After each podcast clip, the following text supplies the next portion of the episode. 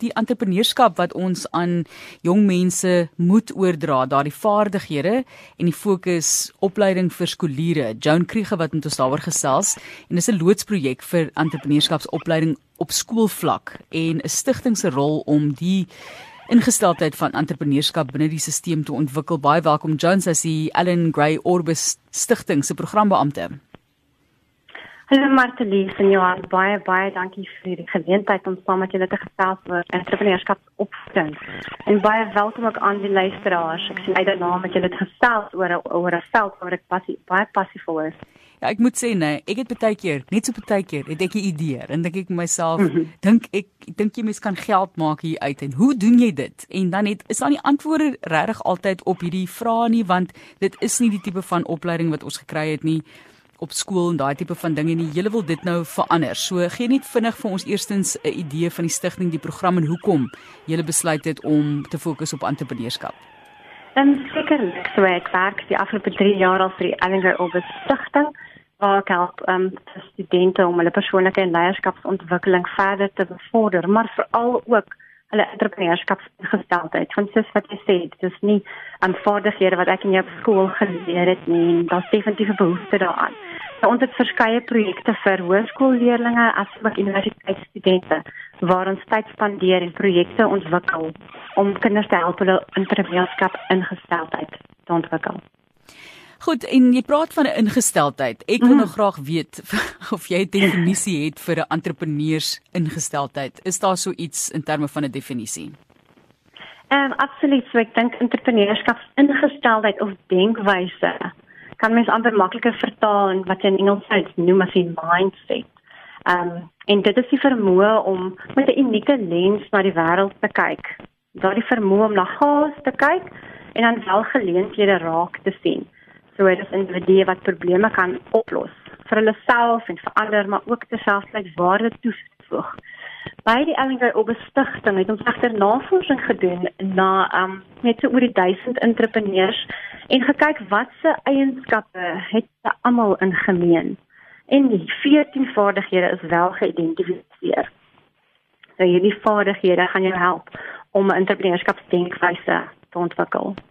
Ons kan nou nog gesels oor van daardie eh, vaardighede waarop jy gaan gaan klem lê, maar dit is baie mm. interessant dat jy nou hierdie aas uitgooi vir baie eintlik jong mense wat mm. nog in die laerskool is, né? Korrek. So jy's in graad 6 en dan doen jy aansoek vir 'n beurs wat vir jou vir 5 jaar gaan as dit ware onderrig gee in daai rigting.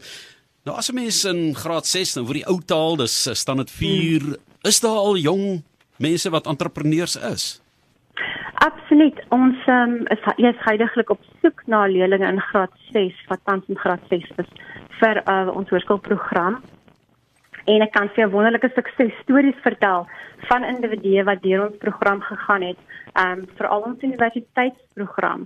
Ek seker julle is almal ehm um, vertroud met die JOCO betalings ehm um, meganisme. Ons sien dit al hoe meer ehm um, op op in klein besighede, ehm um, veral ook nou in die tyd van COVID en uh, Bradley Walrus, die mede-stigter van Joko, was egter een van um, die Alligator Open Stichting se studente.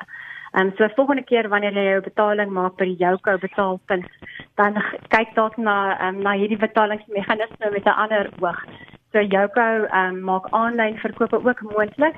En wat uniek is van Bradley, hy stel ook vir 'n lang in die gemeenskap. So hy doen baie met om terug te vloeg in die gemeenskap en ook dis so die groter samelewing.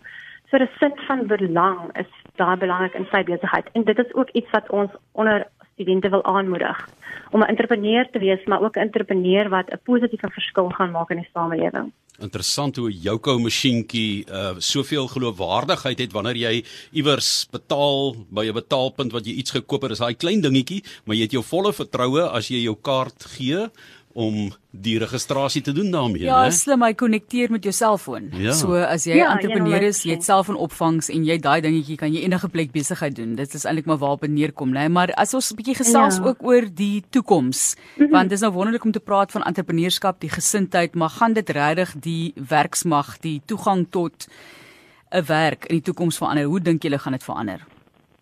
Ja, absoluut en 100%. Ons glo die um, ekonomiese toestand in Suid-Afrika kan slegs drasties verander as die land meer entrepreneurs gaan hê Want entrepreneurs het die vermoë om so dit ook werksgeleenthede verander te skep. En dit hoef nie noodwendig altyd die groot organisasies te wees wat 1000, 2000 geleenthede skep nie, maar jy's verbaas wees jou klein tot medium organisasies wat 10 tot 20 mense um voor werk verskaf. Die impak wat hulle maak is aansienlik en moet nie onderskat word nie. Die een ding wat wel in ag geneem moet word, is dit is 'n langtermyn benadering.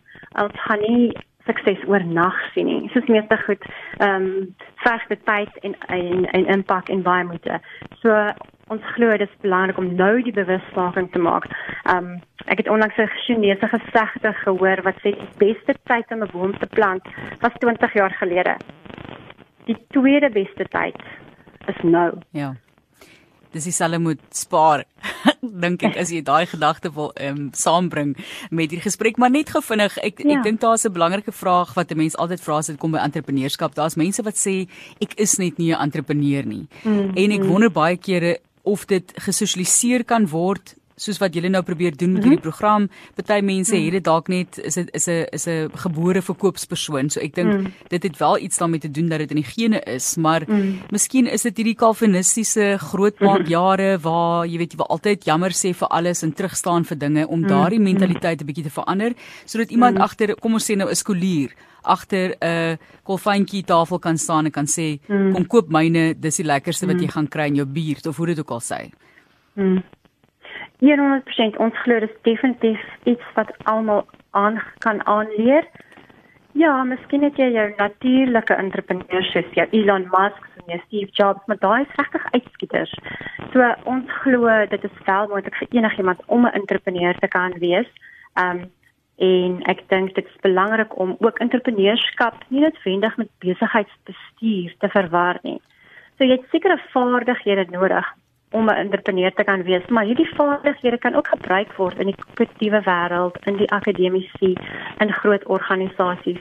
Ehm um, so ek dink die vaardighede is om daai mindset of ingesteldheid te hê om geleenthede raak te sien, om nuuskierig te wees, om selfstandig te wees, om risiko's te neem, soos wat jy sê daai kolfyntjie tafel. Vat my kans en gaan gaan spring agter daai kolfyntjie tafel, verkoop ehm um, doen jou verkope maar staan ook terug en en en assesseer wat het jy geleer uit? Hoekom het jy goeie wins gehad? Hoekom het dit nie verkoop nie? Wat gaan jy anders doen volgende keer? En ek dink dit is baie belangrik om dit in ag te neem by entrepreneurskapsopvoeding. Die proses is die eindbestemming. Dit gaan nie net vinnig oor hoeveel wins jy gemaak het nie maar wat is die impak wat jy as individu daar uitgeleer? En ek dink 'n ander ehm um, uh, moontlikheid wat ons ook wel moet praat is um, die pandemie. Hoeveel nuwe geleenthede die pandemie nie geskep nie. Daar's nou geleenthede wat voorheen nooit bestaan het nie. En ek glo ook baie keer word individue geforseer om 'n entrepreneur te wees as gevolg van 'n krisistyd of noodsaak. Dit dwing hulle amper in daardie rigting. Ek glo dis enige iemand het die vermoë om wel 'n entrepreneur te kan wees. Van vermoëns gepraat, Joan, hmm. um, gee vir ons gou 'n paar eienskappe. Daar's nou ouers wat kyk na hulle kinders of ja. mense wat toesig het oor ouers. Hierdie kind hmm. lyk vir my na 'n entrepreneur. Wat watse tipe hmm. onmiddellike eienskappe moet 'n mens raak sien? Ek wil amper sê daai entrepreneuriese karakter hmm. eienskappe. Absoluut. Ehm um, dankie Johan, dit is 'n goeie punt wat jy aanraak. So van die 14 vaardighede wat ons geïdentifiseer het vir deurgangs en alle ehm um, entrepreneurs voorkom en wat baie belangrik is om in jou verder te bevorder. Dis vaardighede soos probleemoplossing, um, die vermoë om nuuskierig te wees, veerkragtigheid wat in Engels bekend staan as resilience. Hoe bou jy resilience in jou kind? Um die manier om geleenthede raak te sien en ook dit is vas te stel of dit 'n goeie geleentheid is. Um leierskapvaardighede is natuurlik van uiters belang, selfstandigheid um en dan ook om aksie georiënteerd te wees om 'n risiko te neem en wel uit te oefen om al jou idee soos Martelies gesê het, baie idees, maar dit is baie vermoë om dit wel deur te voer. En ek dink daarom is dit belangrik om vir jou kind 'n veilige omgewing te skep sodat hulle wel kan sien om risiko's te neem en dat jy mislukking kan aanvaar. En ek dink om terug te kom by Martelies se uh aanmerking oor ons kalvinistiese opvoeding, ek dink soms is dit belangrik om mislukking te aanvaar. Dit is dis dis okay. Solank jy net opstaan met jou veerkragtigheid en weer probeer en leer uit jou foute uit. Ja, ek meen van uh, Calvinisme gepraat. Ek dink net as jy begin kroek, dan moet jy maar teruggaan na Calvin toe. so, maar ek wil jy, jy het nou al daai eienskappe gegee. Ja. So, ehm um, Elon Musk sou dit gemaak het by julle. Dit is debatteerbaar. ek dink hy's maar 'n unicorn. Ja, maar die ander kleur op sy eie. Die, die een ding wat 'n mens daar wel kan mm. sê is wat ek nie dink debatteerbaar is nie. Kom ons praat oor buite die boks dink net vinnig Correct. as jy dink aan Elon mm. Musk. Ek dink dit ja. is dit is wat hom gemaak het wat hy is vandag. Daar is net niks wat nie gedoen kan word nie, niks wat nie bereik kan word nie en mm. kreatiwiteit wat daarbey aansluit wat mense altyd vergeet wanneer dit kom by besigheid, Jan. Absoluut. Goed. Ek meen ek dink jy het mooi daar opgesom die vermoë om uit die boks uit te dink en die vraag is of ons skoolstelsel wel dit bevorder. Raad laat ons huidige skoolstelsel dit toe vir vir skoliere om uit die boks uit te dink, kreatief te wees.